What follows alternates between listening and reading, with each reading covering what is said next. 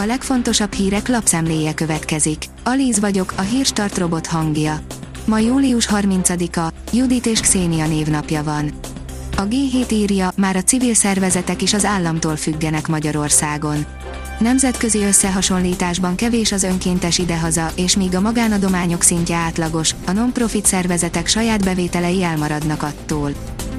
A Telex írja, megvan a 2022-23-as tanévrendje, az iskolai szünetek időpontjai is. Kijött a rendelet a 2022-2023-as tanévről, a tavalyi évekhez képest meglepően sokáig kellett várni rá. A spanyol miniszterelnök szerint energiatakarékossági okból most már senki se hordjon nyakkendőt. Nyakkendő nélkül ugyanis az embereknek nem lesz annyira melegük és nem veszik annyira igénybe a légkondicionálókat, írja a népszava. A Hungarian Press írja, 600-800 ezer forintos fizetést is reálisnak tartanak a pályakezdő fiatalok. A pályakezdő fiatalok kétharmada 350 ezer forint fölötti bruttó fizetést szeretne kapni havonta, de vannak, akik már az induláskor milliós bérezésben gondolkodnak, derül ki a Workforce megbízásából készült pályakezdő indexből. Mocsárvilágból turista paradicsom.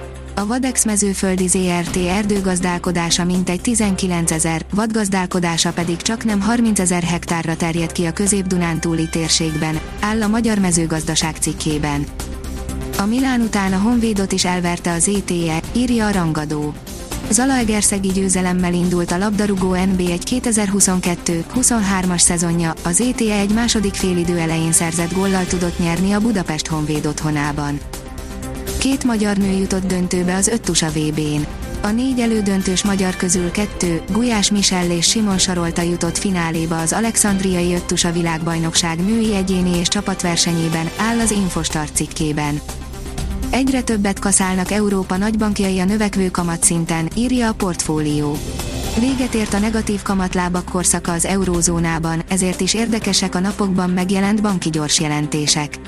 Nem állnak rosszul a pénzintézetek, negyedéves profitjuk összességében 50%-kal nőtt, felülmúlva az elemzői várakozásokat is. A kilátások már borúsabbak. Az Euronews írja, franciaországi erdőtüzek, őrizetbe vettek egy önkéntes tűzoltót.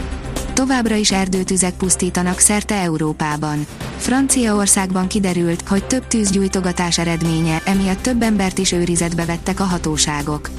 A letartóztatottak között van egy önkéntes tűzoltó is. Az Eurosport szerint egy gólos ZTE győzelemmel rajtolt az új bajnoki szezon. Az ETE 1 0 nyert a Honvéd vendégeként a labdarúgó OTP Bank Liga 2022-23-as idényének pénteki nyitó mérkőzésén. A Liner szerint Zsuzsák Balázs rövidesen újra válogatottként léphet pályára, jó esély van rá. Ezt maga a legendás magyar futbalista árulta el a DVSC hivatalos honlapján, aminek most nagyon sokan örülhetnek, hiszen továbbra is egy kiváló játékosról beszélünk. Sokan nem fognak bánkódni amiatt, hogy többször leszakad az ég a hétvégén, írja a kiderül.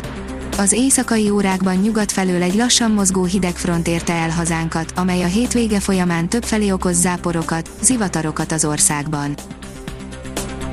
A Hírstart friss lapszemléjét hallotta. Ha még több hírt szeretne hallani, kérjük, látogassa meg a podcast.hírstart.hu oldalunkat, vagy keressen minket a Spotify csatornánkon.